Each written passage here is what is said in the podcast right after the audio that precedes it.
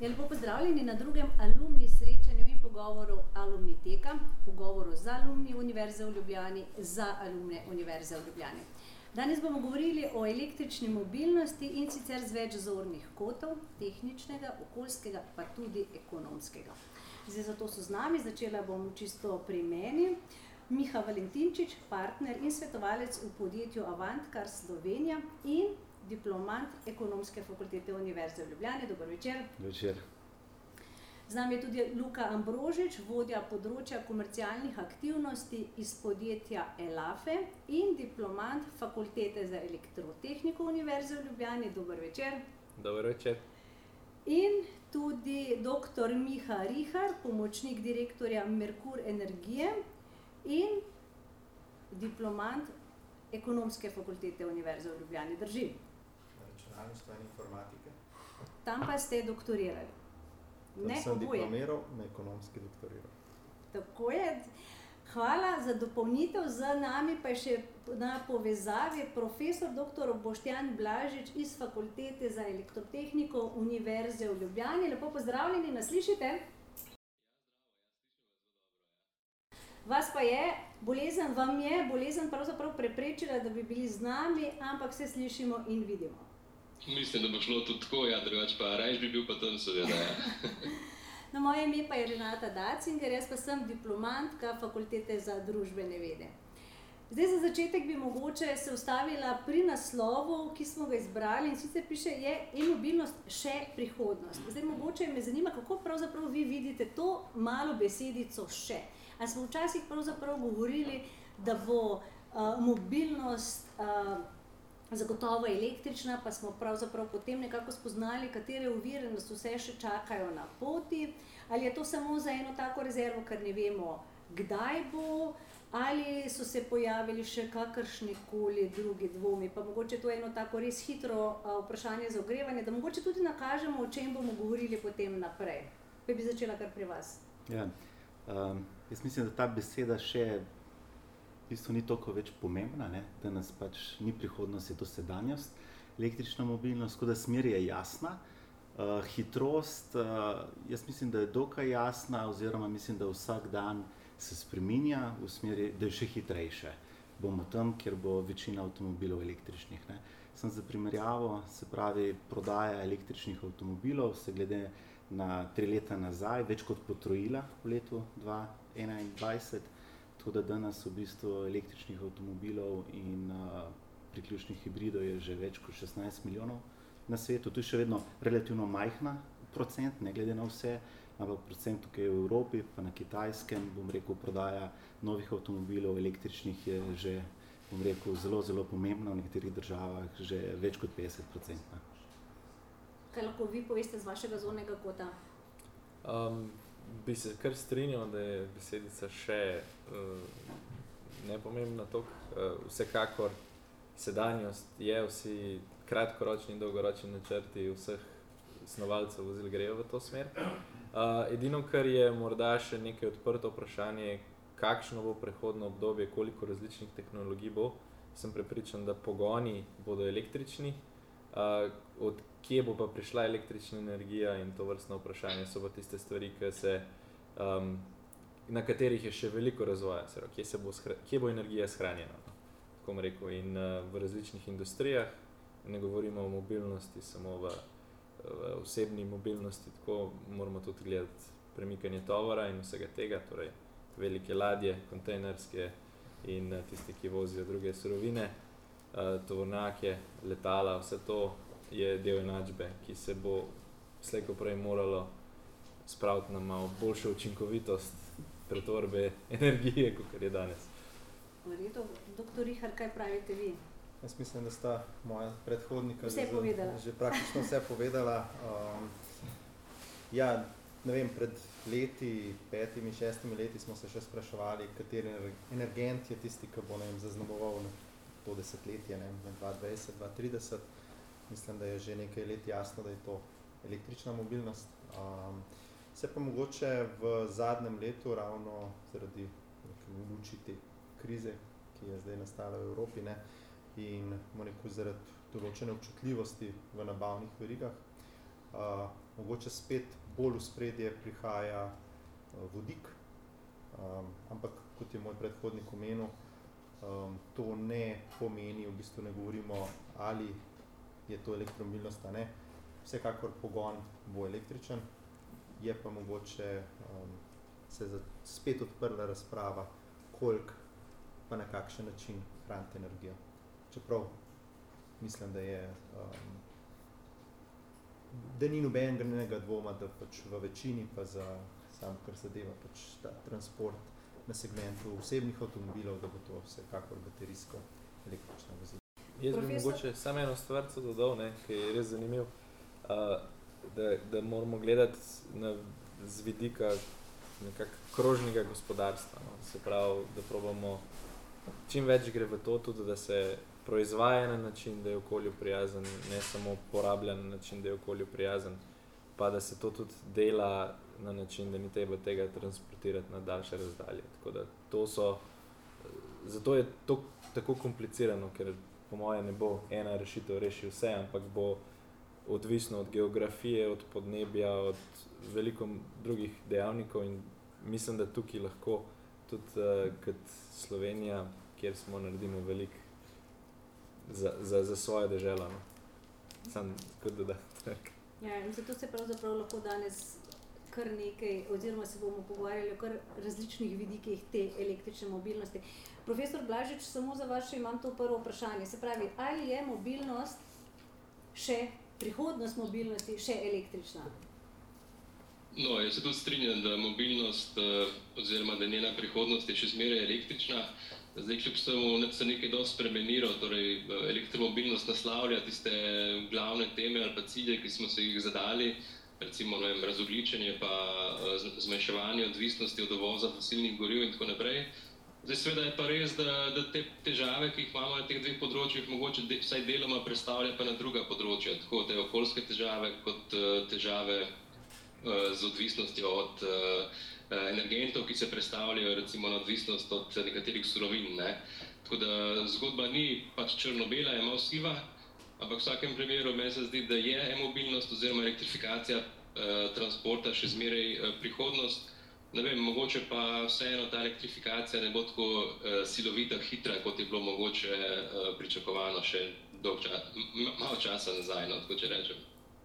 Potem se pa mogoče lahko stavimo pri tem, kaj smo, kdaj, kaj smo pričakovali, kaj smo napovedovali. Vi ste že omenili tudi številke. Po svetu vozi milijarda 446 milijonov avtomobilov, od tega je 17 milijonov in pol električnih. Zdaj, podatki za Slovenijo pa je, da a, jih je v Sloveniji, v Sloveniji imamo milijon 190 tisoč eh, avtomobilov, osebnih avtomobilov, od tega pa je 5313, zelo natančna številka električnih. Da, mogoče, kako hitro smo pravzaprav prišli do teh številk, da si lahko malo predstavljamo, kako je ta razvoj potekal? Uh, to moramo malo ločiti v bistvu po kontinentih, no, kar se dogaja. Tako da bom rekel, še pred časom največja rast številčna je bila na kitajskem, tudi še v letu 2021-2022 bo. Uh, medtem ko v prihodnosti bo pa ta del verjetno v absolutnih številkah bo v Evropi, recimo hitreje se to dogajalo, verjetno kot če na kitajskem. Uh, drugače bi mogoče tukaj samo izpostavil par vidikov, ne, uh, zakaj v bistvu ne moramo gledati, kako bomo rasli v prihodnosti, kaj se je dogajalo v preteklosti. Zato, ker danes je situacija popolnoma drugačna kot recimo tri leta nazaj. Ne. Namreč, ne vem, evo, Evropski parlament je nedolgo, par tednov nazaj sprejel ne, eh, sklep, eh, pač do leta 2035 bo prepovedana prodaja ne, eh, klasičnih uh, avtov ne, na, na dizel ali pa benzin, ne, 2035. Uh, še bolj so poostrili zah, okoljske zahteve na leto 2030. Se pravi, avtomobili bodo mogli biti za 55% z manjšim ogličnim odtisom. Če bodo hoteli to doseči avtomobilisti, uh, ne bojo mogli več z izboljševanjem klasičnih uh, motorjev z notranjim zgorevanjem, pa s hibridnim, ampak bojo dejansko mogli več električnih avtomobilov prodati. Se pravi, en vidik je zakonodajni vidik, ne, ki popolnoma spreminja, spreminja del. Ne. Drugi del, makrotrend, je v bistvu, kaj se dogaja na energetiki. Pač energetika je tudi, ne vem, gre v smer elektrifikacije, tudi v klasični energetiki. In dejansko danes imamo izjemno priložnost, ko še nikoli prej v zgodovini se ni zgodilo. In to, da klasična energetika se povezuje z energijo, ki je potrebna v mobilnosti, z elektro, spet električni avtomobili. Eh, kaj hočem tukaj povedati? Pač po eni strani tudi klasično energetiko um, razogličujemo z obnovljivimi viri energije, tam imamo svoje probleme, distribu distribuiranje proizvodni viri, ne vemo, kdaj bo veter pihal, kdaj bo sonce bilo, se pravi, kako skladiščiti to energijo. Eh, pač in tukaj dobivamo neke sinergije, lahko tudi z pomočjo avtomobilov oziroma baterijami, ki so v avtomobilih. Se pravi, elektromobilnost na nek način eh, postavlja izziv obstoječi energetiki, energetski infrastrukturi, po drugi strani pa daje možnost, da se hitreje preobrazi in da tukaj se dobijo sinergije med temi dvemi. In to bo en zelo močan trigger zakaj bo tudi stališče energetike zelo, zelo pomembno, da bo ta elektrifikacija prometa šla veliko naprej, kajti bojo močne sinergije. Tretji del je pa tudi to, kar se dogaja na področju same avtomobilske branže. Se pravi, avtomobilisti danes, nekati, večina teh velikih, imajo tovarne za klasične avtomobile, tam vedno strožje zahteve, penale plačajo, ker proizvajajo dejansko vsak klasičen avto. Po drugi strani razvijajo novo tehnologijo, nova tehnologija, nov električni avto potrebuje neko svojo linijo, svoje tovarne in zdaj avtomobilisti imajo dve tehnologiji, dvoje tovaren, pa vse. To je neuzdržno, ti ne moreš imeti, se pravi, avtomobilisti bojo zdaj tudi prisiljeni, da bo čim prej staro tehnologijo verjetno v določenih kontinentih, se pravi, jo opustili, čist zaradi ekonomije obsega. Ne. Kdaj se bo to zgodilo, čez eno, pet let, vprašanje, ampak to bo spet ta trend ki bo z, z vidika avtomobilistov bo zainteresirani, da čim prej tudi oni preidejo bom rekel, na električno mobilnost, čist zaradi njihovega ekonomskega obstoja. In četrti trend, zelo pomemben, ki bo eh, se dogaja pa tudi to gledanje na lastništvo avtomobila. Lastništvo avtomobila postaja vedno, vedno dražje, tako z vidika ekonomskega vidika. Ne. Avto, če vsak prej še pred leti stal, ne vem, poprečno tam je 300 do 500 evrov, danes avto, povprečno gospodinstvo stane med 500 in 800 evrov na mesec. Marsikatero si pa ne zna to niti izračunati, še ne, kaj to postane, ampak zdaj bom rekel, s to inflacijo vemo, kaj se dogaja, družinski proračuni so vedno ja, enaki in hrana se dviguje, nekje bo treba šparati in avtomobil pač bo tisti, ki bo ljudje začeli šparati. A, a res smiselno, da imam toliko denarja v avtomobilu, ki mi 90% časa stoji. Torej, to je ta ekonomski vidik gledanja na lastnino. Eh, in pač je popolnoma jasno, da, da to je nesmiselno, tako z ekonomskega, kot tudi, bom rekel, kolega prej, ki je rekel, krožnega gospodarstva. Mi kot družba si ne moramo prvoščiti, da imamo, bom rekel, na cesti milijardo 400 milijonov avtomobilov, od tega nam te v povprečju, bom rekel, stojijo, če govorimo za osebna vozila, 20% časa nam zasedajo parkirna mesta, pa tako naprej. Ne. Se pravi, tudi kot družba koliko surovin potrebujemo za to, vse je popolnoma neracionalno. Vsi ti trendi uh, se ne seštevajo, ampak se množijo en z drugim.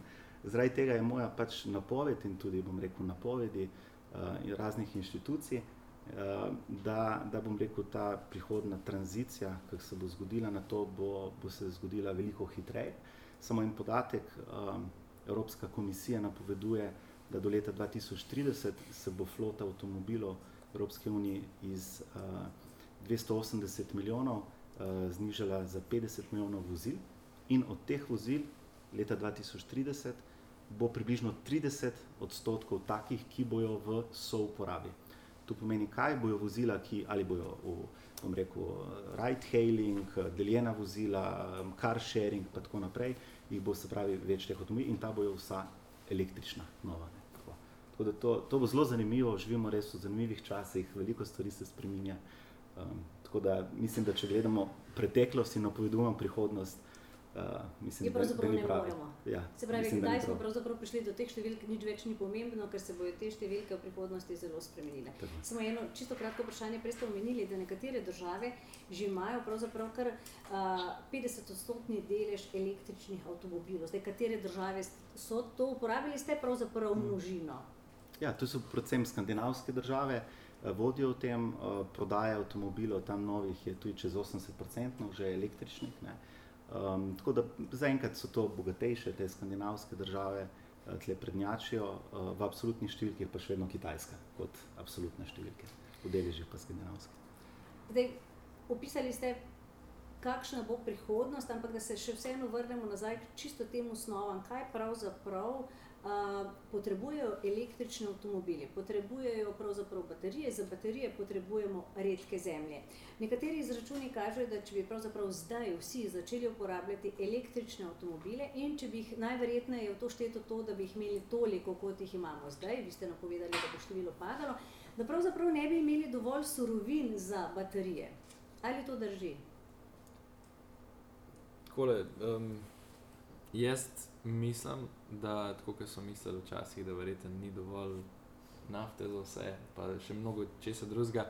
Um, skupaj z razvojem na tehnologiji baterij bi zagotovo prišli do rešitve, da se potrošnji zadosti na tak ali drugačen način. Ampak uh, tukaj je po mojem zelo pomembno, je, da se že zdaj zelo zgodaj razmišlja o tem, sicer malo zamikom, Eh, kako ponovno uporabiti tisto, kar je že proizvedeno. Ne? Ravno zaradi tega strahu, da bi kaj zmanjkalo, kar je seveda super. E, torej, mislim, da je 94-95 odstotkov um, surovin, ki so najbolj zahtevne v baterijah, že reciklirajo, je že možno reciklirati. Potem gre tukaj tudi za recimo, tako imenovane second life baterije, ki ne potrebuje več take dinamike polnjenja in praznjenja. Torej, uh, za kot stacionarno uh, hranilnik energije, po drugi strani pa spet govorimo o pogonu na električno energijo, ki se lahko hrani na različne načine in ne nujno samo v baterijah. Uh, tako da mislim, da tukaj skupaj z uložkom v razvoj, ki gre tudi tako, kot pri, pri električnih motorjih, da bi magneti, um, ki so tudi iz red, redkih zemelj, naprimer, uh, vsebovali čim manj tega, kar je tudi ekonomsko smotrno. Uh, tudi, pre, tudi pri baterijah gre v to smer. Ne? Baterija je absolutno najdražji del avtomobila danes in to boli vse, um, tako potrošnike, kot podjetja, kot vse druge. Uh, potem so še stroški z vzdrževanjem tega uh, in tako naprej. Um, ampak kolikor gre denarja v razvoj, predvsem na, podlo, na, na področju kemije, baterij in tako pa čist mimo grede, pri nas je Kemijski inštitut, po mojem, tudi med vodilnimi, ki take stvari raziskujejo. Tako da tukaj jaz vidim mogoče kakšno priložnost zgrešeno, ne? glede na to, da smo imeli tudi proizvajalce, oziroma imamo proizvajalce baterij pri nas. Um, Da, da, da nas ne bi smeli skrbeti. Uh, ampak po drugi strani je pa logično, da gre vse te stvari postopoma. Ne more biti stopnica, ker um, če ne drugega, gre za, kot je prej kolega Miha rekel, za ekonomijo obsega, kar pomeni tudi, da je na klasični avtomobilski svet vezano, ne vem, verjeten 8% ali pa 10% vseh služb v Evropski uniji uh, ali pa drugje po svetu. Ne. Uh, dobaviteljske verige, ki so specializirani v neke mehke koščke za delčke motorjev in tako naprej, take stvari morajo postopoma izveneti Tukaj gre tudi za, za ekonomsko-socialno komponento, uh, pa tudi dobaviteljske verige pri pridobivanju materijala in vsega tega. Zato je, je, je res pomembno, da razumemo, da gre tle za neko, to bojo ekonomisti bolj vedeli, makrodinamiko, ne, ki je zelo medsebojno soodvisna med različnimi uh, deli sveta in tako naprej, tudi politiko in sprav, geopolitiko. Um, z tega vidika, no, gledano, se mi zdi, da ne moramo pričakovati um, nekih čudežev. Ne. Zadeva ima svojo inercijo in tako se bo tudi razvila. Je pa res, da je to, po mojem, prvič v zadnjih 120 letih, da se je ena industrija, ki je zelo okorna, načeloma, pa še vedno med najhitrejšimi v okornih industrijah, tako hitro obrnila.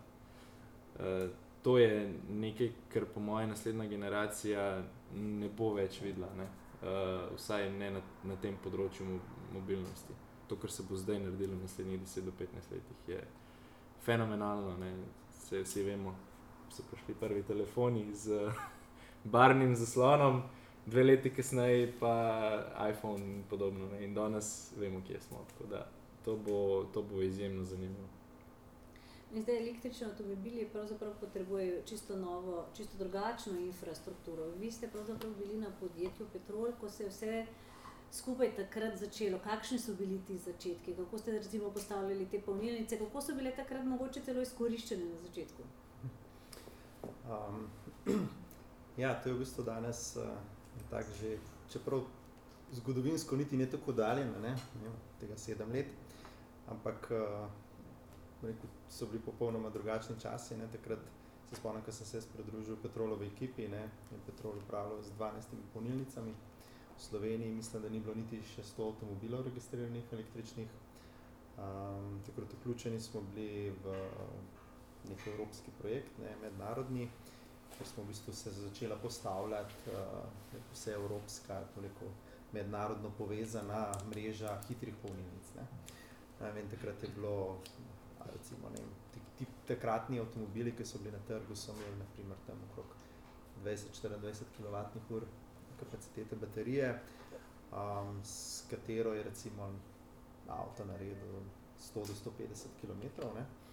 In zdelo se je, ne, da tista hitra polnilnica s 50 kW, ne, da to je state of the art, ne, to je to. Ampak že takrat je marsikdo rekel, ne, tako kot se danes pogovarjamo ne, o teh stvareh, ne, pa sta predhodnika omenila, da v bistvu ne moramo po zgodovini soditi, se je zdelo, oh, bomo videli, bomo videli, ko bomo čez nekaj let rekli, da so pa to počasne polnilnice. No in danes, ne, 50 kW polnilnica približno ni več pojmovana kot neka blazno hitra polnilnica, ne, um, zato ker so se kapacitete baterij v avtomobilih tako povečale. Um, ja, takrat, se pravim, takrat je bilo res polnilnic, javnih polnilnic v Sloveniji, tudi če ne, združam številke še drugih ponudnikov, ne, ne, recimo Elektro Ljubljana in podobni, mogoče celi Sloveniji, ne vem, če bi jih našteli sto, ne, um, avtomobilov kot omenjeno, ja, in je bilo zanimivo tisto gledati, ne, ko je bilo, ne vem, 0,1, 0,2 polnjenje na dan, Potem so se pa v bistvu že v parih uh, letih ne, te številke, rekel, vsaj na nekaterih lokacijah, pospele. Ne, eno polnjenje na dan, ponekod celo več polnjenje na dan. Um, tako da ja, tisti rekel, lastniki električnih vozil so bili pa predvsem veliki, veliki entuzijasti, um, ki so imeli ogromno dobre volje, ne, da so z nami reševali rekel, vse tiste napake. Pa, smo se skupaj učili um, vzpostavljati rekel, neko infrastrukturo prihodnosti. Ne. Um, seveda je pa to v luči, kot recimo ne vem, danes, ko že govorimo o neki masovni, ne, ali pa neko v Sloveniji mogoče še začetku masovnih uh, uporabe um, električnih vozil, so to popolnoma drugi časi. Ne, da, seveda masovni ali neko poprečen uporabnik pričakuje, da infrastruktura deluje 100% zanesljivo, um, želijo uporabljati uh, doma, želijo uporabljati brez večjih težav, ko gre in potuje čez mejo, kakorkoli ne želi se obremenjevati s tem, čigava je, kdo je upravitelj tiste infrastrukture. Um, no, takrat, ja, nekaj leta 2015 je bilo to še bistveno drugače. Ne? Ampak smo se pa s temi stvarmi že takrat spogledovali, kako te izzive reševati. Mogoče lahko že kar zdaj poveste, kakšna bi pravzaprav naj bila ta infrastruktura, mogoče kakšna je danes, pa tudi kakšna bo potem v prihodnosti, kaj si bomo pravzaprav želeli, kaj ja. tam ja. potrebujemo. V bistvu um, sama uporaba električnih avtomobilov praktično na glavo postavlja pa nekaj, popolnoma podre tisti koncept, ki smo ga vajeni danes, uh, ko imamo ne, benzinske servise in se v bistvu ustavljamo. Pridemo na točemo gorivo in gremo. Tako se ustavimo za nekaj minut in gremo. Ne? Um, pri elektromobilnosti, zdaj, če govorimo o osebnih avtomobilih, ne, nekako 80 odstotkov polnen bo verjetno, oziroma je, izvedenih na začetni ali končni destinaciji. Ne. To je, začetna je recimo lahko doma, lahko je to v službi, končna, bi rekel, lahko ne, neko turistično središče, kamorkoli, kamor se podamo ne, na pot. In tam popolnemo v bistvu medtem, ko rekel, nekaj drugega počnemo. Ne. Tako kot je prej Miha omenil, tistih 90% časa, ko avto dejansko stoji. Ne. Um, torej, v bistvu potem za, torej za 80 odstotkov, ne polnem, potrebujemo dejansko neko počasno, običajno polnilno infrastrukturo, torej doma, zasebno ali pa pač na nekih javnih lokacijah. Zdaj, za tistih 20 odstotkov časa, ne, ko smo pa pač na poti, um, se pa pač seveda danes smo rekel, se nekako približujemo temu z, z razvojem, ko naj bi tudi hitrost polnjenja, se ne vem, skraj, mislim, oziroma čas za polnjenje celotnega, rekel, od nič do 80 ali 90 odstotkov baterije, um, ne vem, na pol ure in podobno, ali mogoče pri zadnji najnovejši tehnologiji celo mogoče je to zadošča celo 15 minut. Um, ja, je pa seveda koncept nekih novih teh točk nekoliko drugačen. Ne? Vsekakor se, um, rekel, tukaj so krožijo različne zamisli, ne? ali bodo to mogoče neke točke druženja, ne? koliko bodo ne, tam neke restauracije, neke kavarne, kakorkoli. Um, lahko bodo to neke točke, kjer bomo lahko upravili neke druge storitve v času tistega polnjenja. Um, ne, pošta, banka, tisto, kar še, česar še ne bo možno urediti po digitalni poti, ne. Um, trgovina, ne. Um, torej, določene stvari, ki jih sicer že poznamo danes iz uh, bencinskih servisov, ampak mogoče bolj fokusirano na to, da se bo tam nekaj dogajalo. No? Torej, da ne bo samo kratek postanek uh, za pet minut in bomo odrveli naprej, ampak bo vse mogoče uh, 15 minut, ko bomo mogli tam nekaj početi. Ne? Uh, tako da to ja, seveda odpira tudi neke nove poslovne priložnosti. Ne? Um, tako da ja, um, bodo pa te točke ali pa rekel me, lokacije, kjer bo tudi to polnjenje potekalo, uh, ne bo nujno na istih lokacijah, kot so danes postavljeni bencinski servisi. Ne? V deloma, kar zadeva naprimer avtocestni križ in mogoče kakšne regionalne ceste, ja. Um, rekel, razne take, ko so pa, ne vem, bencinski servisi po manjših vseh ali pa ne vem, rekel, tam na končnih destinacijah ali pa takole, naprimer, kot jih je v Ljubljani malo morje, um, zato namenjenih za nek hiter postanek, Eh, ta poslovni model se bo pa gotovo bistveno, bistveno spremenil, oziroma jaz se upam celo trditi, da verjetno tja po letu 30, uh, da se bo začel izpenjati. In se bo pravzaprav preselil tja, kjer bo recimo največ ljudi, kjer se bojo, kam bozijo, se pravzaprav stekali, ste rekli, prej mogoče turistični kraj, tako, nakupovalna središča, tako. točke, kjer, bomo, kjer lahko nekaj upraviš. Ne? S tem, da mogoče bi sem dodal, eh, čisto, ker je zanimiva tematika, je, da tudi tukaj se bodo tehnologije pa načini, kako se polni, še spremenjali. Obstaja tudi možnost, kolikoli je majhna, to, da bi se baterije lahko standardizirale in podobno, in bi potem imeli ali menjave, in se pravi, da se polni drugje kot tam, kjer se menja in tako naprej, v skladu s hranjenjem energije in tako. Uh, brežično polnjenje, ki se tudi poriva naprej že zelo veliko. Tako da, zdaj, da si ne predstavljamo, da bo to vedno nek kabel, ki ga je treba neki v avto vtikati. Ne. Ja. Uh, se, se, se, ja. ja. se, se v bistvu prvi koncept električnega avtomobila ne, je bil prav to, ne, da so postavili točke, kjer se baterije v bistvu zamenjajo. Ne. To je Renault, pa nisem, je naredil velik projekt, to je bilo 20 let nazaj. Oni so gradili že to infrastrukturo po Franciji, pa po Izraelu. Better Place se je imenoval projekt, to je bil začetek elektro, električnega avta, moderne dobe, ne, če bi rekli. Ne, ne tistega, ki je bil sploh prvi avto električen, ne, ampak zdaj, če bi rekli ta. Tako, uh, ampak potem pač je res, uh, ni to šlo, ta standardizacija ni šla, mogoče bilo še prezgodaj in tako naprej.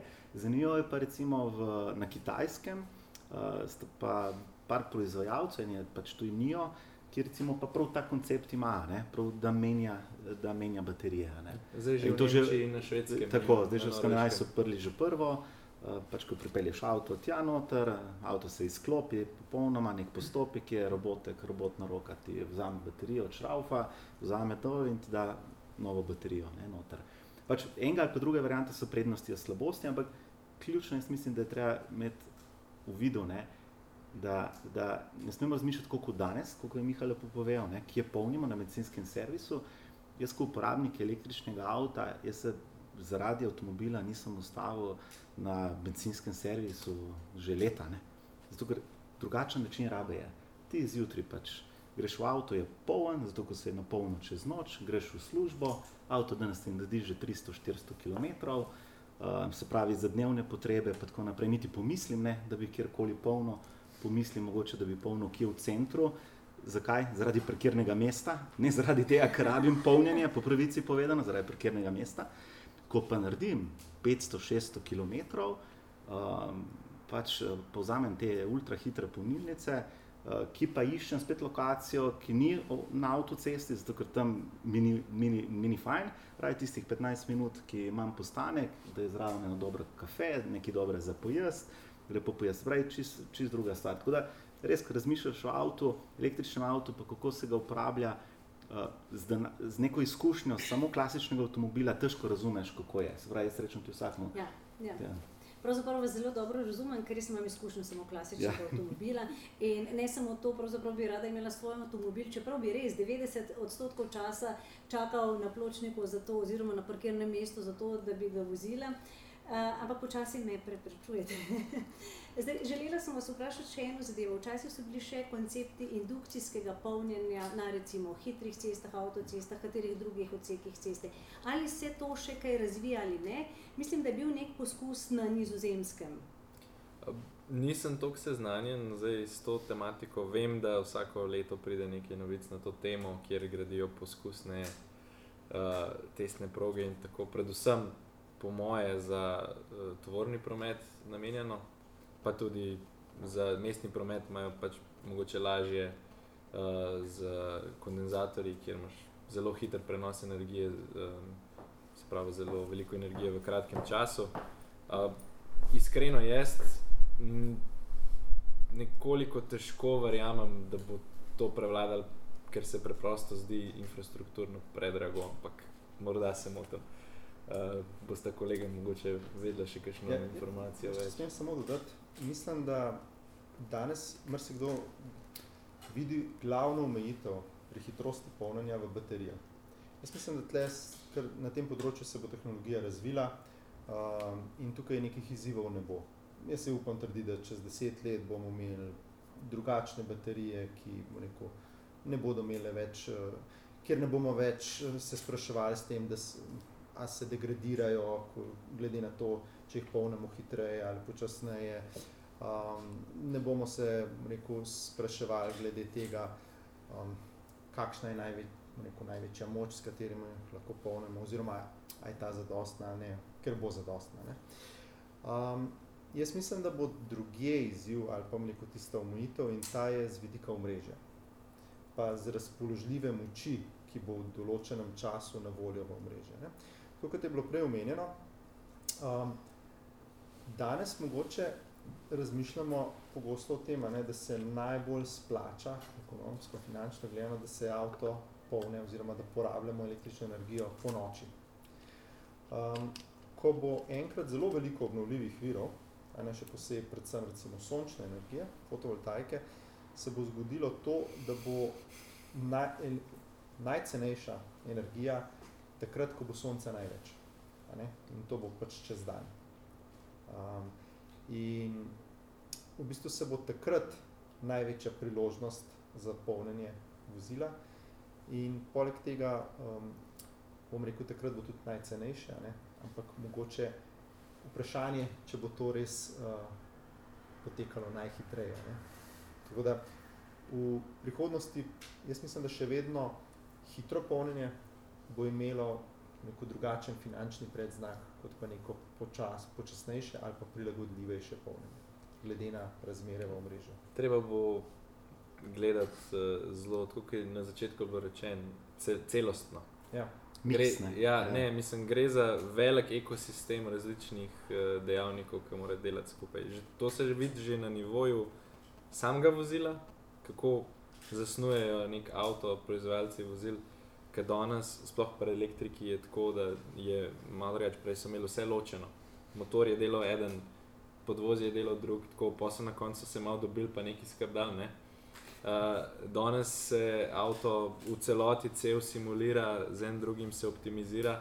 Ravno, žal, mislim, dobro je, ampak žal zaradi tega, ker so baterije tako drage, pa tako malo energije imajo danes, uh, da je treba povsod reget optimizirati. Ne? Ampak zato, da se to zgodi, moraš res celovito gledati vse sisteme med sabo, iskati tiste medsebojne uh, trade-offe, da, da najdeš optimum. In uh, tudi na nivoju elektroenergetskega sistema. Boš imel verjetno ogromen, velik gradnikov in vse to bo moralo skupaj, kot ste, kaj je Miha že povedal. Ja. In zdaj smo prišli, profesor Blažič, do vas, ko govorimo o elektroenergetskem sistemu. Ste pravzaprav vi pravi, da nam poveste, kako bodo električni avtomobili vplivali na elektroenergetski sistem. Zdaj, veliko krat smo rekli, če bi kar naenkrat šli vsi na elektriko, je pravzaprav ne bi bilo dovolj za vse avtomobile oziroma za še druge potrebe. Ampak to pravzaprav sploh ni pravo vprašanje, ker ne bomo šli vsi naenkrat na električne avtomobile.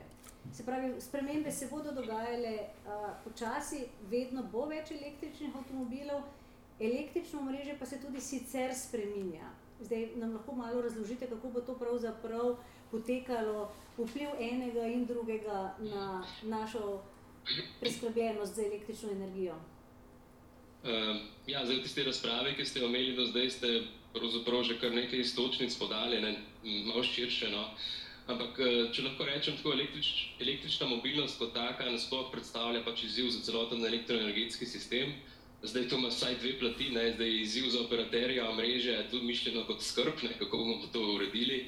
Iz, za nas raziskovalce pa je izziv seveda nekaj, nekaj pozitivnega. Ne. Mi smo na konc koncev, pač, se ukvarjamo s tem, da rešujemo probleme. Torej, če so če nastopijo neki potencijalni problemi, zato nekaj, uh, je to za nas nekaj v redu. Ne. Uh, zdaj, omenjeno je bilo polnjenje. Ne. Zdaj, kot ste že sami rekli, tukaj je polnjenje samo je predvsej povezano z uh, navadami, željami uporabnikov, torej kaj si uporabnik želi, kako bo prilagajal svoje vozne navade, mogoče in tako naprej. Novost stališča elektroenergetskega sistema je, da se tle prvič sprašujemo, v bistvu, uh, kako se bo obnašal uporabnik. Torej, v samem kot če rečem, sklopu načrtovanja elektroenergetskega sistema, do zdaj so oprav uh, uporabnikov kot osebi ali kot množici ljudi nismo kaj dosti spraševali. Ne? In zdaj seveda ugotavljamo, da nam tle tudi malo manjka znanja, ker tu ni elektrotehnično znanje, da ugotavljaš, kako so bojo ljudje uh, prilagajali določenim spremembam. Uh, zdaj, kar se tiče pa samega tako oskrbe z energijo, pa tudi, povezano s hitrostjo polnjenja, ne? Zdaj, uh, če bi hoteli doseči take hitrosti polnjenja, kot jih imamo zdaj na klasičnih pumpah, torej na dizel pa benzin, potem tle govorimo o nekih ogromnih močeh in to mislim, da ne bom rekel nikoli, ampak še dolg časa ne bo izvedljivo. Ne. To enostavno pomeni, če bi hoteli tako hitro napolniti električni avto, kot ga zdaj na, na pumpi, potem ne vem, poljevna hidroelektrarna na Soči dovolj lih za dve testi mogoče. Uh, torej, takih gabaritih se pogovarjamo. Ne.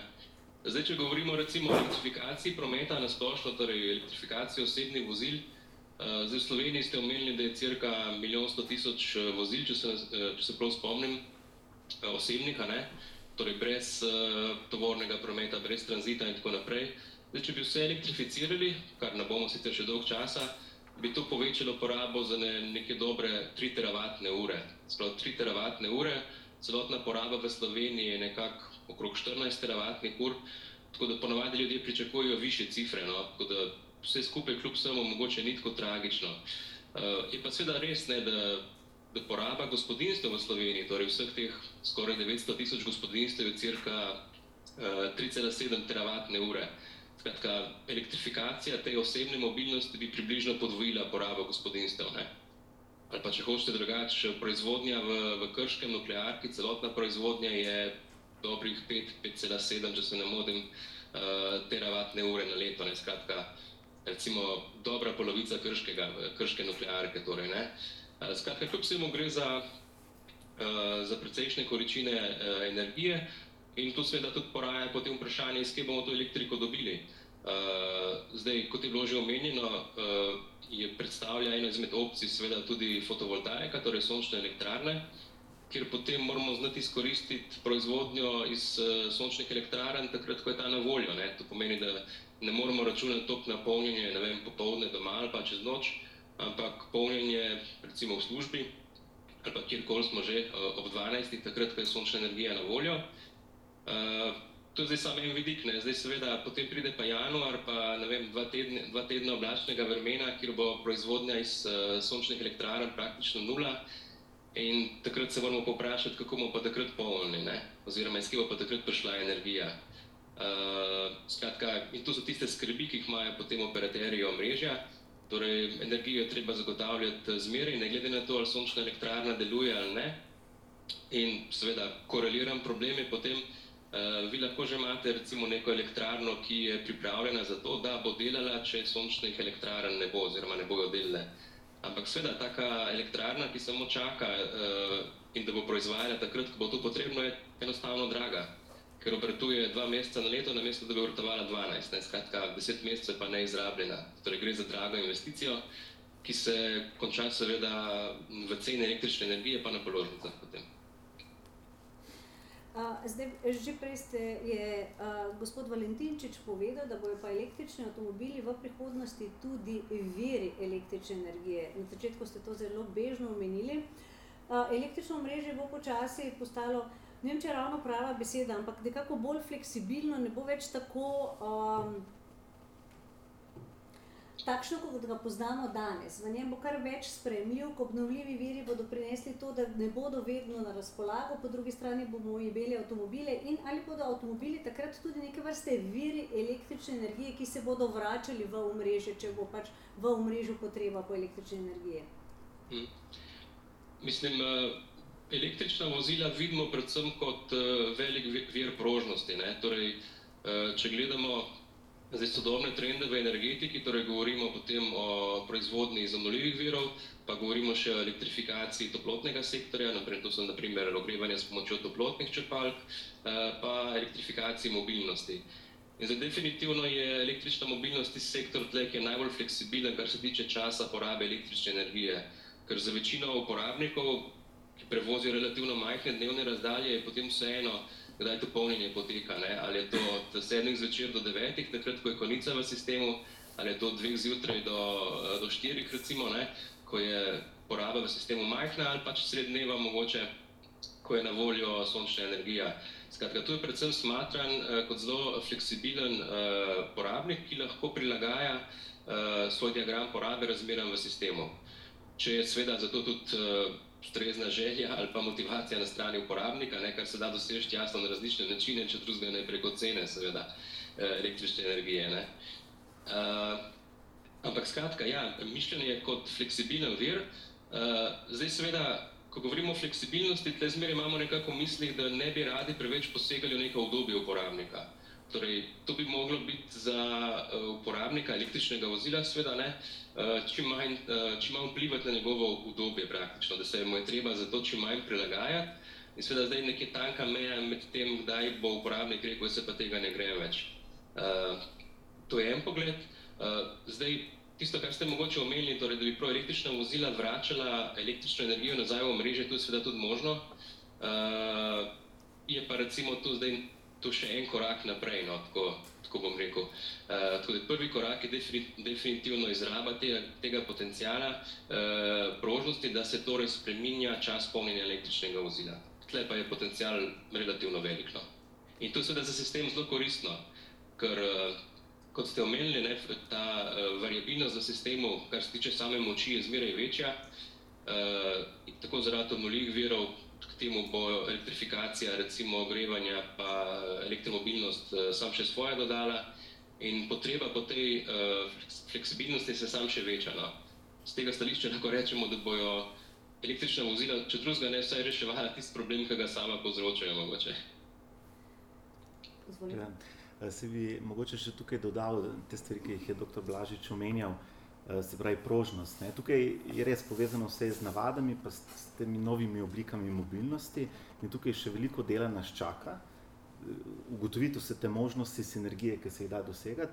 Ravno v Avantkarju razpolagamo s floto skoraj 800 električnimi avtomobili, uh, se pravi imamo pod nadzorom, kaj se s temi vozili dogaja in sodelujemo na dveh evropskih horizont projektih z tudi fakulteto za elektrotehniko, tu Slovenijo, pa ELESom, pa španskim prenosnim operaterjem, pa francoskim, pa, pa s temi velikimi energetskimi družbami evropskimi, kjer dejansko prav se ukvarjamo z tem vprašanjem, ne, kako razne uporabnike, en izmed njih je tudi, bom rekel, električni avto, kako dosegati te sinergije z vidika prožnosti. Ne. In tukaj dejansko res navade, kako, kaj, kdaj bi bilo dobro, na kakšen način te stvari povezati, kakšni poslovni modeli se bodo razvili.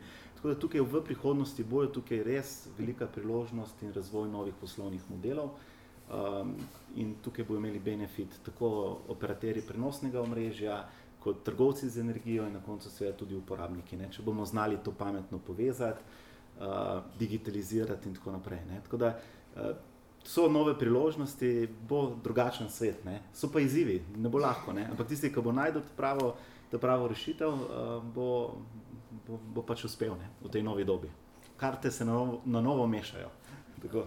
Mogoče bi še dopolnil to, če smo večkrat. Um, kam gre svet, pa, pa druge tehnologije. Tudi vprašanje je, ali bodo, kot smo že na začetku imeli, avti sploh imeli lastnika, ki je um, individual, individualna oseba. Ne. To bojo po nekaterih ocenah zelo verjetno, ko bo flote, ker bo mobilnost multimodalna, kar pomeni, da bo. Pomembno bo priti udobno iz točke A na točko B, ne toliko, kakšen avto imaš, kje ga imaš in to, ampak da bo na voljo, koga boš rabil.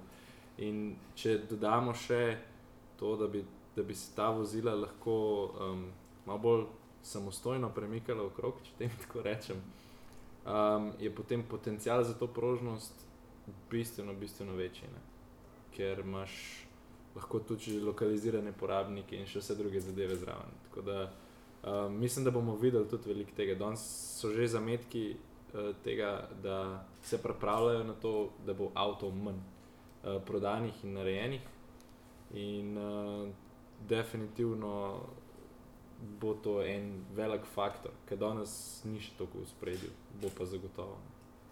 Se pravi, električna mobilnost bo spremenila tudi naše navade. Ampak nekaj o tem, kakšne navade so, verjetno vi veste več. Rekli ste, da imate 800 električnih avtomobilov. Zdaj, ali vaše stranke recimo, želijo specifično električni avtomobil ali klasični avtomobil, kaj jih pri električnih avtomobilih moti, kaj pravzaprav imate vi uh, več dela z električnimi avtomobili, kako je pravzaprav zdaj to poteka. Še vedno imate več klasičnih avtomobilov, ampak vaš odstotek je bistveno drugačen kot sicer.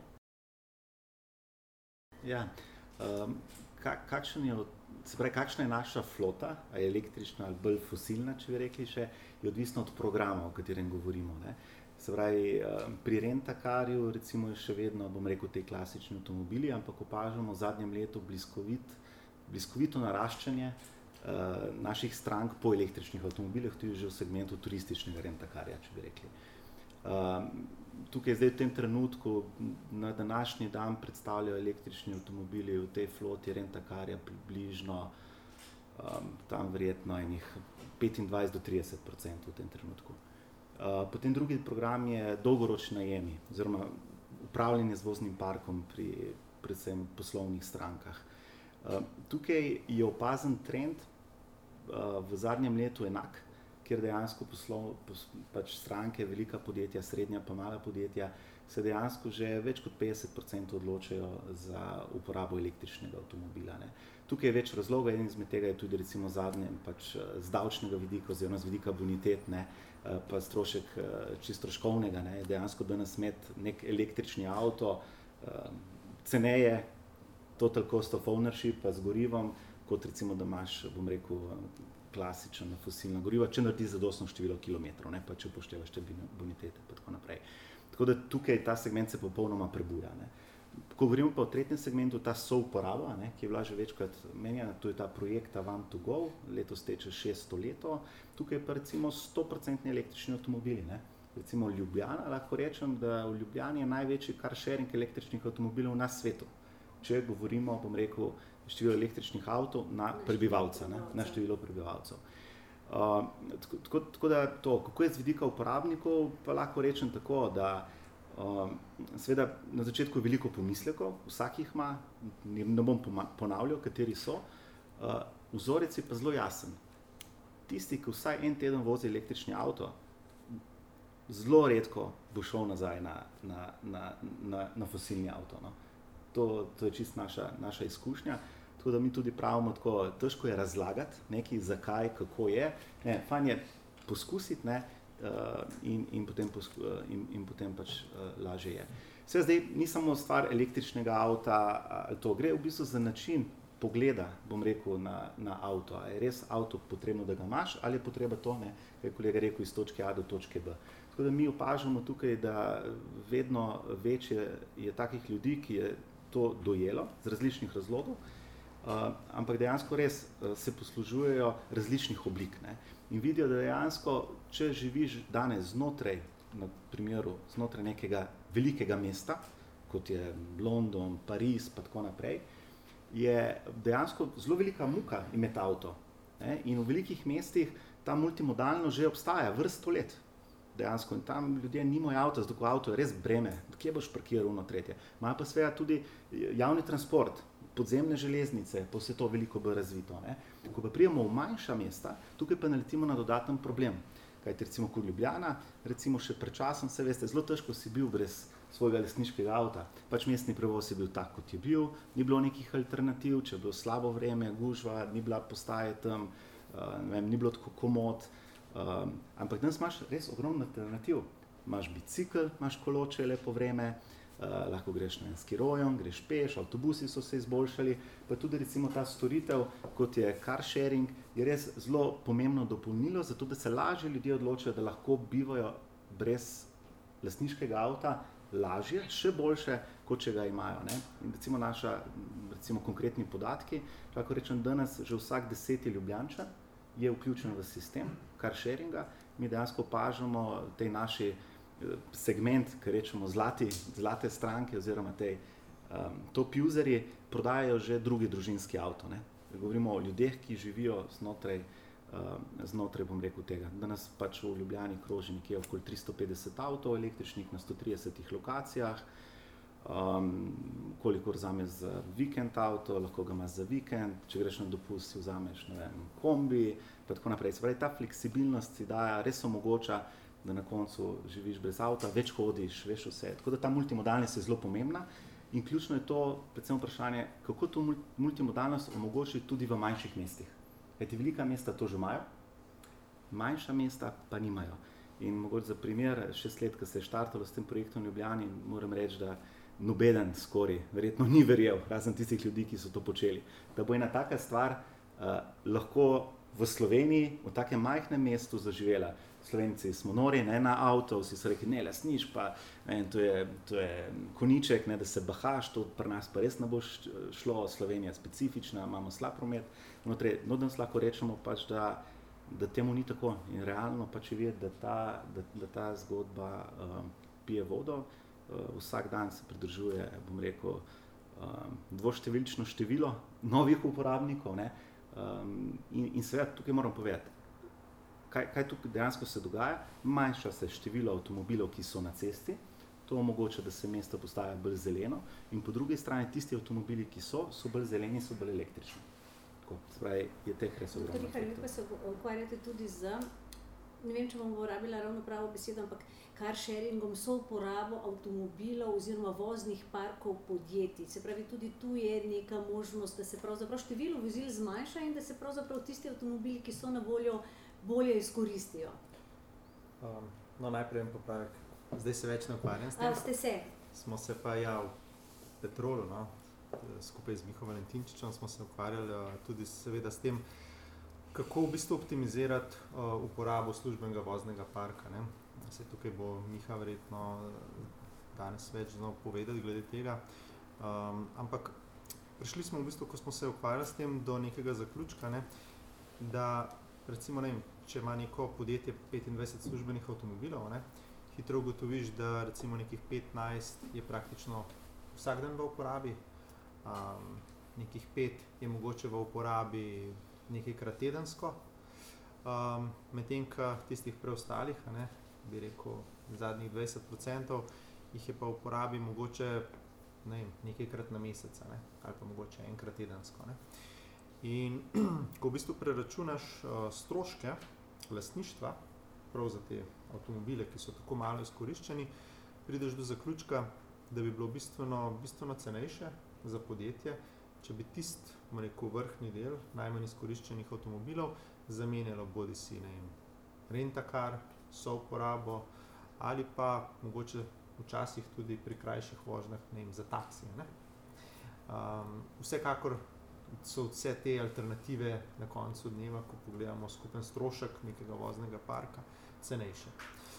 Um, je pa v bistvu zanimivo ali pa neko ključen izziv, kot uh, smo že takrat ugotovili, pa neko, tudi še kasneje, ne, danes uh, jaz mogoče na drugem delovnem mestu, da večino podjetij um, si zelo, rekel se, z velikim izzivom sreča, ko, ko mora zračunati strošek um, vozila. Ker tipično je to eno stroškovno mesto, kamor se v bistvu zmeče noter vse avtomobile, vse zaposlene, ki se s tem ukvarjajo in to je to. In v bistvu ne vodijo nekih podrobnih evidenc, kaj se, ali pa analiz, kaj se jim dogaja, koliko vozil, teda, kaj bi bilo optimalno. Oziroma, pač nimajo dovolj podrobnih, pa zanesljivih podatkov, ne spremljajo, da bi lahko naredili neko preprosto vodihno analizo, kaj pa če zamenjamo en del avtomobilov za neko, za neko alternativno mobilnost. Um, tako da, ja, tukaj uh, imajo gotovo rekel, podjetje kot je Avantkar ali rekel, še kakšno drugo, ki se s tem ukvarja z optimizacijo voznih parkov, uh, veliko priložnost, ne? na drugi strani pa seveda tudi podjetja kot uh, rekel, uporabniki teh storitev, uh, ker si na tak način lahko pač absolutno določene mere znižajo oziroma optimizirajo svoje stroške ne? za mobilnost. Uh, če bi se pa mogoče navezal še malenkost na to, kar je bilo povedano prej, ne? je pa, ja, jaz mislim tudi uh, to, kar so že sogovorniki povedali, da ključna stvar ne, bo seveda pač ta multimodalnost. Ne?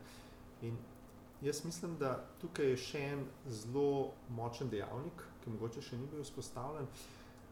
To je to, da v bistvu sedeti za volanom vsak dan, ne vem, pol ure, uro, ali pa mogoče nekateri, ki se vozijo, rekel, ki niso iz Ljubljane, pa se vozijo mogoče iz okolice, so ne, mogoče eno uro eno smer, eno uro drugo smer, to je praktično izgubljen čas. V tistem času, ki je drugega, kot ne, da lahko govoriš po telefonu, praktično ne moreš, ne? oziroma niti, ni dobro, pa ni varno, da počneš.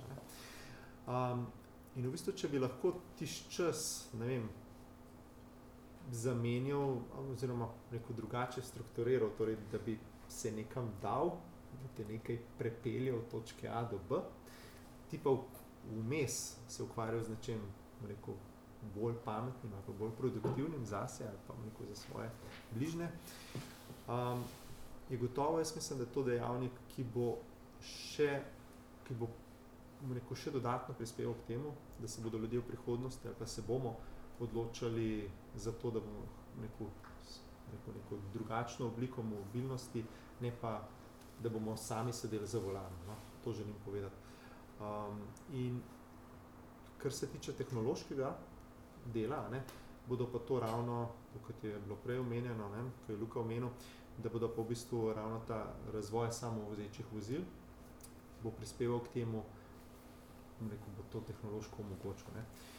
Um, seveda se bo potem še naslednja stvar verjetno zgodila, da pa verjetno avto ne bo več tako, kot je danes. Ne, ne, bo več, ni, rekel, ne bomo sedeli usmerjeni naprej, spredaj volana, pa zadnjih sedežev, ampak bodo ti avtomobili, te kapsule drugačne. In že danes se uh, marsikateri proizvajalec vozil ukvarja s tem, torej kakšna bodo ta vozila prihodnosti, uh, rekel ta avtomobili, ne, ki ne bodo več podobni današnjim avtomobilom, ne, bodo drugačni.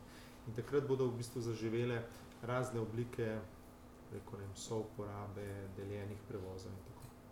Zdaj, ko govorimo o vsem tem, se mi zdi, da bomo pravzaprav svojo mobilnost v prihodnosti morali zelo načrtovati. Jaz se znam pravzaprav z lahkoto predstavljati, da če bi imela električni avtomobil, da bi ga recimo zvečer pozabila priključiti na polnjenje.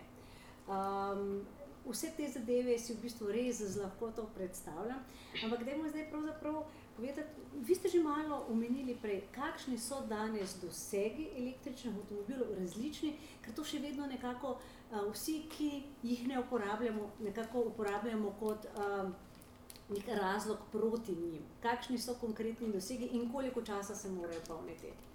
Uh, mogoče bom tako rekel. Jaz bi se mečken raje osredotočil ne toliko na doseg, ki je neka taka zelo poenostavitev. Ampak najprej na doseg, pa potem kaj so rešitve tega, če še ni optimalno. Uh, tako le bom rekel. Uh, je, z, moram začeti s tem, se pravi, gre za porabo. Danes premikaš neko relativno težko stvar, pa bajdo je ne baterija, je velik del tega. Uh, se pravi, energija, ki jo moraš premikati, je velik del porabe. Tudi. In mislim, da zdaj za, za zadnjih par let je nekih 18-20 različnih modelov skupaj v poprečni porabi. Uh, tam nekje 18,6 kWh na 100 km. Ne. Pa je pa spet odvisno, koliko imaš prostora v avtu, koliko baterije lahko noter napakiraš in tako dalje in tako naprej. Uh, ampak uh, zdi se, to je tudi nekaj, s čimer se mi ukvarjamo, je, da, da ne govorimo toliko o dosegu, ampak bolj da racionaliziramo porabo. Se pravi, vse se potem pohitri. Cena pade, ker rabiš manjšo baterijo za isti doseg. Uh, hitreje se polne, zrate, ker, uh, ker imaš manjšo porabo za istim, isto prenešeno energijo, narediš več kilometrov. In tako naprej. Ne? Tako da mi smo zdaj um, prišli do tega, da je čez banalen primer, ker danes tega avta ne moreš dobiti. Uh, da smo s strankami skupaj razvili vozila, kjer imamo porabo 50% nižjo. Kaj se pa potem zgodi, so pa še veliko drugih benefitov. Vem, primer, avto ima površine lahko ne vem, nekih 5 kvadratov, uh, kamor daš lahko sončne celice. Ne rečem zdaj, da je to rešitev za vse, ne? ampak um, ta energija, načeloma pretvorba ni tako učinkovita. Se pravi, en majhen del energije, ki prihaja od sonca, lahko pretvoriš v električno energijo, ampak če imaš dovolj nizko porabo, zato da premikaš tisto veliko avto, uh, ali majhen, ki je še boljš, ne, um, je, da, da, da pač potem tista sončna energija, ki jo dobiš, dobesedno pomeni nekaj.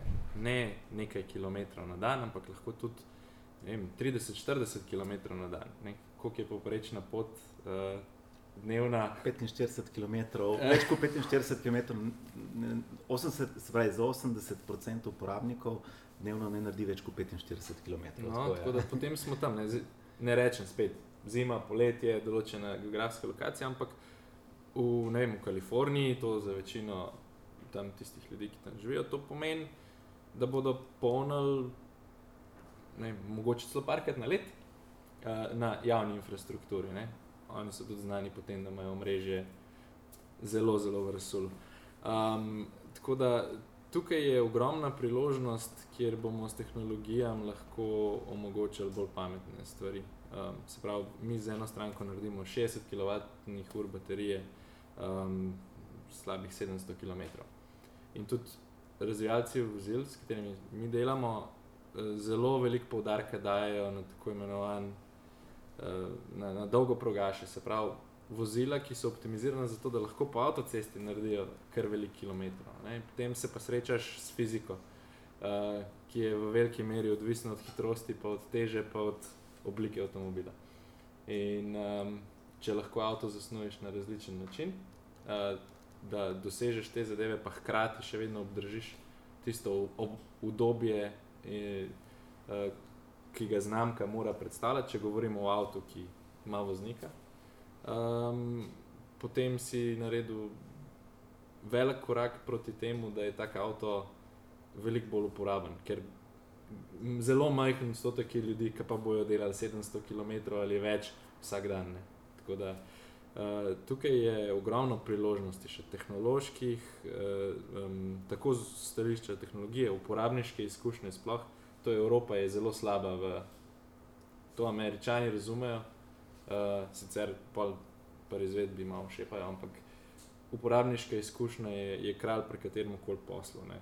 in tudi prav tih in posod druge. Ja, ampak recimo, da je to že malo del uporabniške izkušnje mm. na koncu. Um, in, in to pa tehnologija in ki se ravno za avtonomno vožnjo, uh, ki je sicer to je, to je toliko političen kot tehnološki problem. Uh, zelo negativen predznak ima, če se kjerkoli zgodi, medtem ko vozniki se zaletavajo posod in počes. Uh, ampak uh, tam se da veliko teh stvari združiti. Ne? Se pravi, iPhone um, v avtomobilski industriji je, je, je, je pač kombinacija teh različnih tehnologij z uporabniško izkušnjo. In um, pravim, na, jaz res mislim, da smo na prelomu um, nečesa, se, se, mesec, iz meseca v mesec se ne vidi, ampak uh, v obdobju revolucije. Ja, v obdobju desetih let je ogromna sprememba. No. Zdaj, če, sem, če sem vas prav razumela, niso še, recimo, rekli ste, da doseg pravzaprav ni tista beseda, o kateri vi radi govorite. Se pravi, če, če povzamem, električni avtomobili še niso čisto tam, kjer bodo čez nekaj časa, zato ker je še veliko možnosti za njihovo izvedbo. Zdaj so na 20 odstotkih svojega potencijala, bi rekel, eh, če, še, če sploh to ne. Jaz bi dal eno tako analogijo sveta interneta. Ne. Mi se tako mislim, treba se zavedati, ne, da danes, ko se pogovarjamo o neki viziji, govorimo ne, kot bi rekel, internetu stvari, ne, torej, ko se vsaka naprava je povezana na internet, ampak smo pa šele na točki ISDN-ja. Če že, če že, če že to še ure, 28 kamer. Torej, ja, torej še tiste piksli sami hodijo, ne, ampak hočem povedati, da tako se je ne, to zgodilo na področju interneta, ne, pač terja se zadeva svoj čas, ne, terja 10-20 let, da se stvari razvijajo, da se tehnologija razvija, da se hkrati tudi pač uporabniške navade, pri, rekel, pa tudi potrebe, želje, ideje, kaj se da vse s tem početi. Ne. Uh, verjetno, ne vem, če bi se pogovarjali leta 2000 o tem, da bo vem, vsaka majica, pa superge, pa to povezane na internet, bi kdo rekel, da pa zakaj pa to rabiš, potrebno neumnost. Ne. Ampak dobro, mogoče je res potrebno, da je majica povezana na internet, ne, ne ampak ali je pa v industriji, ne, v neki proizvodnem procesu, v nekem, ne vem, v, v mobilnosti, ne, v kjerkoli, ne, je pa ogromno, ogromno aplikativnih primerov, kjer je to lahko rekel, velika prednost oziroma odpira popolnoma neslutene priložnosti. Ne. In takrat, ja, se je to zdelo, uh, to je zdaj pač nekdo, ki je iz prihodnosti. Ne. In ravno tako je danes v mobilnosti, ne. te stvari, ki debatiramo. Um, ja, bo, jaz sem pripričan, da se bodo zgodile, ne smemo pa pričakovati, da se bo to zgodilo jutri ali čez dve leti, oziroma biti razočarani in reči, da je leta 24, da sem vedel, da, sem, da, da, da do tega še ne bo prišlo. Ne. Uh, Luka Vrožič, vi ste omenili avtomobile, električne avtomobile, ki imajo na strehi sončne celice. Zdaj nekaj jih je že v uporabi. Ali je to recimo nekaj, kar se bo še razvijalo, ali je to nekaj, kar se je pravzaprav izkazalo kot eden izmed poskusov, ki se pa ne bo prijel? Um, jaz mislim, da tako kot sem prej rekel, uh, mobilnost se bo po moje segmentirala. Se pravi, uh, danes avto poznamo kot avto, pa imaš pač par različnih velikosti, pa več verzij luksuza. Ampak uh, bo veliko bolj bo osredotočeno, po moje, na geografijo, ki je, na, na območje, kot je rekel, velika mesta, mehna mesta, uh, ruralni svet, različno podnebje in tako naprej. Um, poleg tega tudi, seveda, absolutno različni viri energije. Jaz mislim, da se ne bomo znebili motorja na notranje izgorjenje. To bi honest. Uh, jaz ne pričakujem, da bo šel cel svet na to uh, dolgoročno, ker morda nekje ni to smiselno morda se ne izplača. Uh, ampak dejstvo pa je, da zemlja se zna obnavljati in nekaj tega preživi. Problem je, ker vsi gledamo iz ene skrajnosti v drugo skrajnost, v tretjo skrajnost, pa preobremenjujemo sistem, zmernost se, je, je, je lahko. Ampak kar se tiče vozil, um, menim, da bodo imela vsa svojo nišo. Um, sploh potem, ko bomo gledali na to kot um, storitev. Se pravi, današnji proizvajalci vozil, pa to mogoče Miha tukaj bolj vedo, uh, vejo, kaj jih čaka. Velik, no, nekaj jih ve, kaj jih čaka.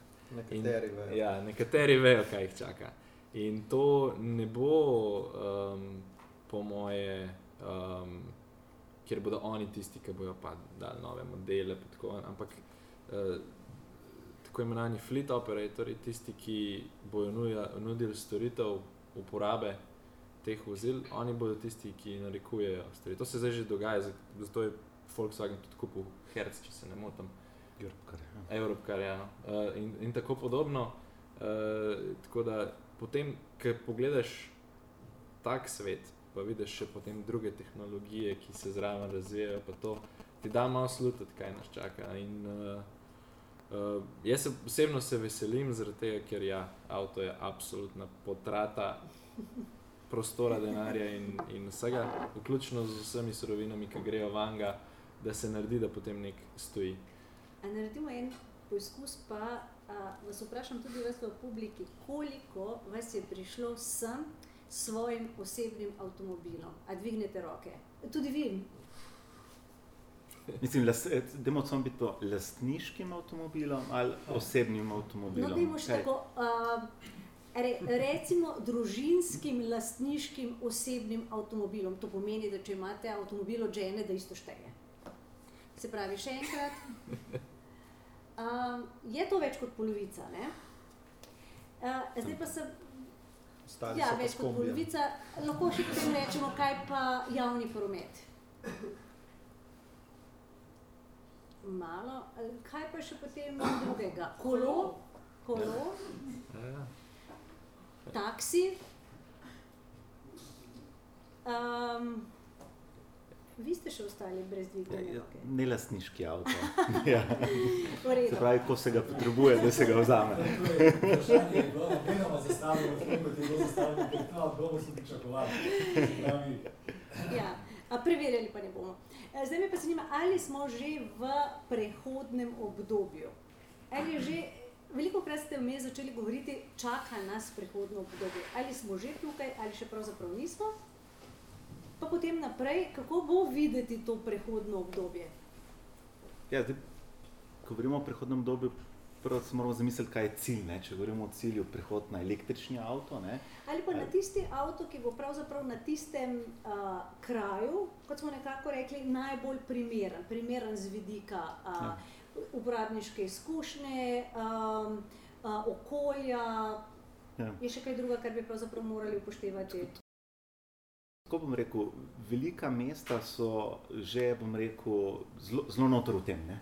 V velikih mestih imate različne, pač od Uberjev do javnega transporta, različne oblike naprej. Velika ne. mesta v Evropi? Velika mesta v Evropi, govorimo o mestih nad milijon prebivalcev. Ne. Tam te poslovni modeli, bomo rekel, deljene ekonomije, uh, kjer pač pridejo v, v izraz bolj tisti, ki upravljajo s temi sredstvi in ponujejo storitev, ne, ne pa toliko lastniških ne, zadev, in nad milijon, v mestih nad milijon te stvari že delujejo. In ta mesta se bo tudi relativno hitro lahko preoblekla, bom rekel, v ta elektrificirala kot floto, če govorimo o osebnem transportu. in tako naprej. Pač, ker se Uber odloči, ne, ker se odloči v enem mestu, da bom šel pa jaz na električna vozila, pač tam je, je takoj se to zgodilo v navednicah. Ne. Medtem kot ve- velik izziv je pa v teh, me, v teh mestih pod milijon prebivalcev, pa v naši regiji, recimo, kot je. Tukaj pa seveda eh, se še razvijajo te poslovni modeli, da se lahko te storitve mobilnosti, da lahko dosegajo ekonomijo obsega, so specifična, eh, kako boš dosegel te ekonomijo obsega. In bom rekel, te uh, veliki operaterji, uh, izvajalci storitev kot mobilnost, uh, se fokusirajo bom rekel, na velika mesta zaradi ekonomskega razloga, medtem ko ta manjša mesta ostajajo malo v ozadju, so zoprstavljena. Uh, tako da tukaj iz tega vidika lahko rečem, da tukaj smo mi uh, še nekoliko zadnji, ampak bom rekel, z pametnimi rešitvami uh, bomo to hitro bomo to dosegli. Tako da moje osebno mnenje je, ja, da smo že v tem prehodu, nekateri, ki to že uporabljajo, so že dobro razumeli, v bistvu, zakaj je to prednost, in potem od ust do ust uh, se hitro širi glas, tako da ta kepa se je začela valiti. Mislim, da se z, z, uh, že, uh, ja. In še enkrat poudarjam, vse to, kar smo danes govorili, te različni efekti, ki so, se ne seštevajo med sabo, da prijemo do končne razvale, se dejansko res množijo med sabo. Zaradi tega ta hitrost, bom rekel, um, se veča. Ne? Je pa sve, se ne bo pa čez noč zgodila. Po eni strani uh, je mogoče celo dobro, da gre kje malo počasneje, ker potem pa še na drug, drug del mobilnosti lahko zraste. Vem, kolo kot dober primer. Pa čeprav smo mi v poslu, kjer delamo pogone za avto, ampak sigurno nam je vsem v interesu, da se čim več ljudi giba, ker ima spet multiplikativne učinke na druge področja. Ne. Eh, tako da eh, tukaj moramo gledati, da je, da je promet eh, načrtovan da je mobilnost tudi malo premišljena. Tudi kaj mesto ponuja, ne, mora biti strateško premišljeno, mečken. Uh, najslabše je samo jurišati v, v, v razne zadeve. Moraš razumeti, kje si, kako se ljudje obnašajo in potem ponuditi nekaj, kar se dopolnjuje. Tako da imajo ljudje čim više kvaliteto bivanja, udobje, eh, tako rekoč convenience. Ne? Ja, kdaj se bo to zgodilo? Ne, če smem, kdaj bo se to, takrat, ko bo dejansko ta uporabniška izkušnja, o kateri smo govorili, dejansko za nekoga bolj ugodna kot obstoječi njegov način transporta. Takrat se bo to zgodilo. Vemo pač uporabniki, kdaj si šel na drugačen telefon, si zapustil Nokia, ne, ki je pač nekaj čist druga stvar, ki je bila res super ne, in takrat nisi rabo prisile. Ne. Vsi smo si želeli to imeti. Ali pa zakaj se sedeš v avto, pa ne greš ja. na vlak? tako, točno to je. Se, jaz mislim, da je tukaj, kot je Miha omenil, zelo, zelo pomembno je, kaj, neko, kaj se zastavimo za cilj, o čem se pogovarjamo. No? Če govorimo o elektromobilnosti, um, smo gotovo že precej daleč ne? v tem razvoju. Če se pogovarjamo o mobilnosti, širše gledano, pa jaz mislim, da smo na začetku ene zelo, zelo velike spremembe. Uh, smo pa mogoče danes, če se pogovarjamo o mobilnosti, izpustili en ključen del, to je uh, rekel, hrbtenica, ki bo pa javni transport. Ne? Torej, vse te, govorimo o so uporabi vozil, uh, ali pa rekel, to kot je Uber in podobno, um, to so v bistvu storitve, ki jih uporabljamo za to, tisto, v angliški izraz last mile, ne? torej na koncu. Ampak če za potovanje med daljšimi razdaljami, ne? če mi želimo prijeti na Bled, v Maribor, je pa to javni transport. In v Sloveniji se zdi, da to ne funkcionira. V Sloveniji se praktično še zdi v Ljubljani, je premehna za to, da bi javni transport funkcioniral. Medtem ko v Švici, ki ima mnogo mest, ki so popolnoma primerljiva, velika kot slovenska, to zelo dobro in zelo učinko funkcionira, učinkovito funkcionira. Ljudje to uporabljajo, so zadovoljni um, in jaz recimo dam en tak primer, ne, ko sem bil vem, pred leti v Švici, sem se vem, peljal iz Berna v Tun. To je v bistvu, in takrat vem, zdaj, ne vem točno, mislim, da je okrog 30 km narazan sta kraja. Uh, Beren ima nekih 300 tisoč prebivalcev, ne? Tun je pa manjše mesto, mislim, da je 30-40 tisoč. Torej bi rekel, kot da bi šel ne vem, iz Ljubljane v Kranj. Ne? Ampak iz Ljubljane v Kranj z vlakom it je misija praktično nemogoče. Mislim, da bi se praktično vsi tukaj strinjali, da to je še ena boljši, nihče, boljših povezav. nihče tega ne bi izbral. Ne? Um, no, tam je v bistvu dejansko vlak hitrejši, kot pa če greš z avtom. In ne, da gre en vlak ali pa nekaj vlakov na dan. Ne, tam grejo, mislim, da trije vlaki na uro, s tem, da lahko zbiraš ne vem, super hiter vlak, uh, običajen vlak itd in vlak je poln. Vsi vlaki so polni. In ko se prispeš v tisti mali tun, torej kot bi rekel kran, tam mrguli avtobusov. Ne? V Kranju, če pogledamo, je tam pet avtobusov. v, v tistem tunu, jaz mislim, da jih je bilo vsaj 20, vse, praktično vsaka ulica je bila prepredena. In tudi avtobusi niso bili prazni. Ne? Torej, bistvena, bistvena razlika v dojemanju mobilnosti. Um, in seveda, pač, ja, te stvari bodo prišle. In recimo, mogoče v Sloveniji, jaz sem neko žalosten, ko slišim kakšne take izjave, še posebej neko predstavnikov ali pa višjih predstavnikov države, ko rečejo, da Slovenija ne potrebuje ne, hitre železnice, da smo premejhni in podobno. Medtem ko se nihče ne vpraša, kaj pa upetost Slovenije ne, v svet, ali je ključno za Slovenijo samo to, kako hitro bomo prišli iz Ljubljane v Kranj, kaj pa če želiš prijeti na Dunaj. Moš pa takrat še vedno posež po osebnem avtu, zato ker se z vlakom voziš na 9 ur. Ne? Torej, um, trenutek, ko bomo dejansko bili pripravljeni ljudje zamenjati osebni avto za druge oblike mobilnosti, bo nastopil takrat, ko bo uporabniška izkušnja sprejemljiva. Zato, da bo pa uporabniška izkušnja sprejemljiva, je pa treba rekel, nekaj elementov skupaj združiti. Ne? In ne, nekaj tisto, kar smo govorili rekel, na, na področju tega last mile, ne? torej zadnje poti, zadnjih kilometrov, ne? Um, nekaj pa seveda, kako učinkovito, hitro prideti tudi na daljše razdalje. Ne? Torej, takrat mogoče se v takih problemih, kot je bilo tudi prej omenjeno, problem dolgega doseka je aktualen toliko časa, dokler se pač smo privezani na neko premagovanje razdalje z osebnim avtom. Če bi lahko šli na, vem, na morje z vlakom, pa ne bi za to potrebovali ne, skoraj celega dneva, ne, bi lahko šli, bili v Splitu na v petih urah, jaz mislim, da bi se velika večina raje odločila za potovanje z vlakom, ko ne bi bilo treba sedeti, ne bi bilo treba v gužvi čakati na cesti, pa bi pač prišli, stopil bi, ne vem, praktično v centru mesta, ali pa mogoče pred trajektom z vlaka, šel na otok in je to to. A ne, tako da stvari se morajo povezati. Prišli smo že skoraj do konca današnjega pogovora. Profesor Blažič, nismo pozabili na vas, nisem pozabila na vas. Ste želeli še kaj dodati, kakšen bo prehod v e-mobilnost, v drugačno mobilnost, tudi še v elektroenergetskem uh, področju, sektorju, se tudi tam že kaj pozna? Mm, sama e-mobilnost na splošno se ne pozna. Ne. Pozna se najbrž na, na norveškem, uh, druge pa niti ne. No.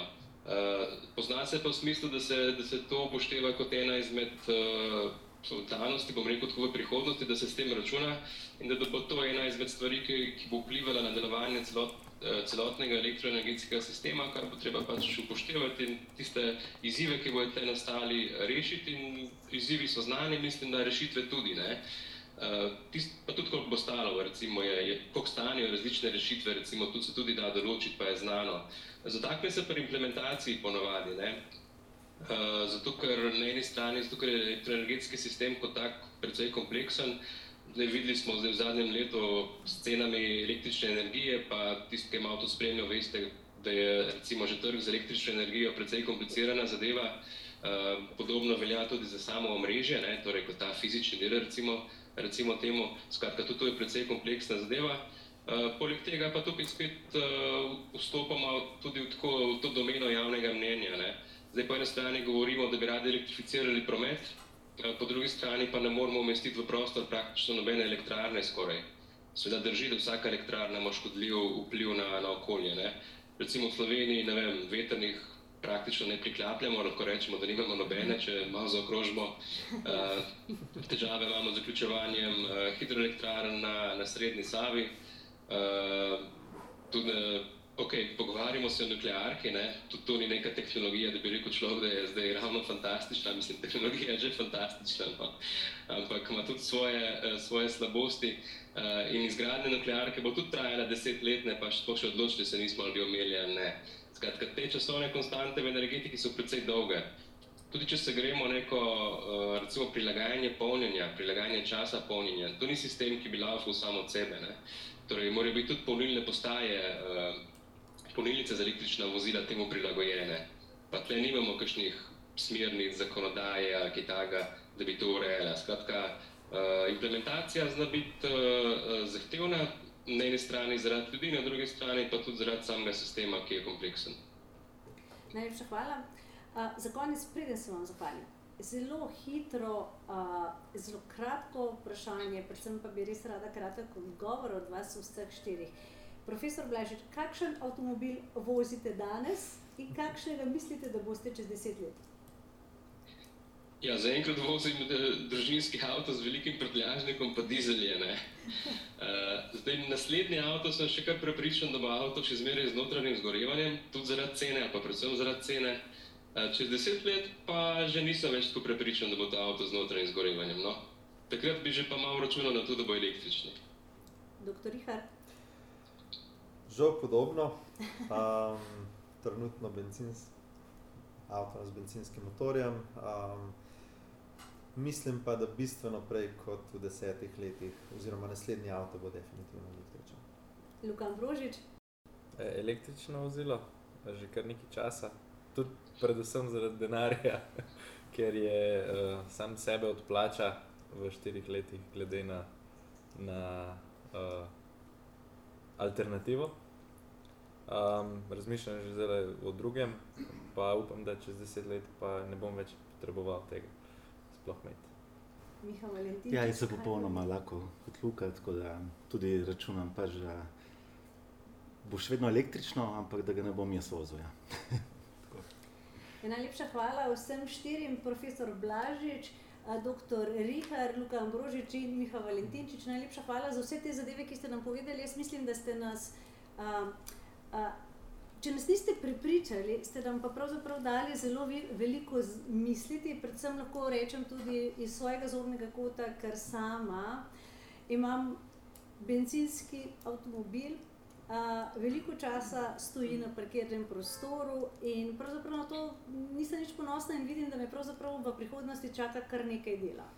Tako da najlepša hvala vsem za pogovor. Hvala vam. Hvala. Hvala.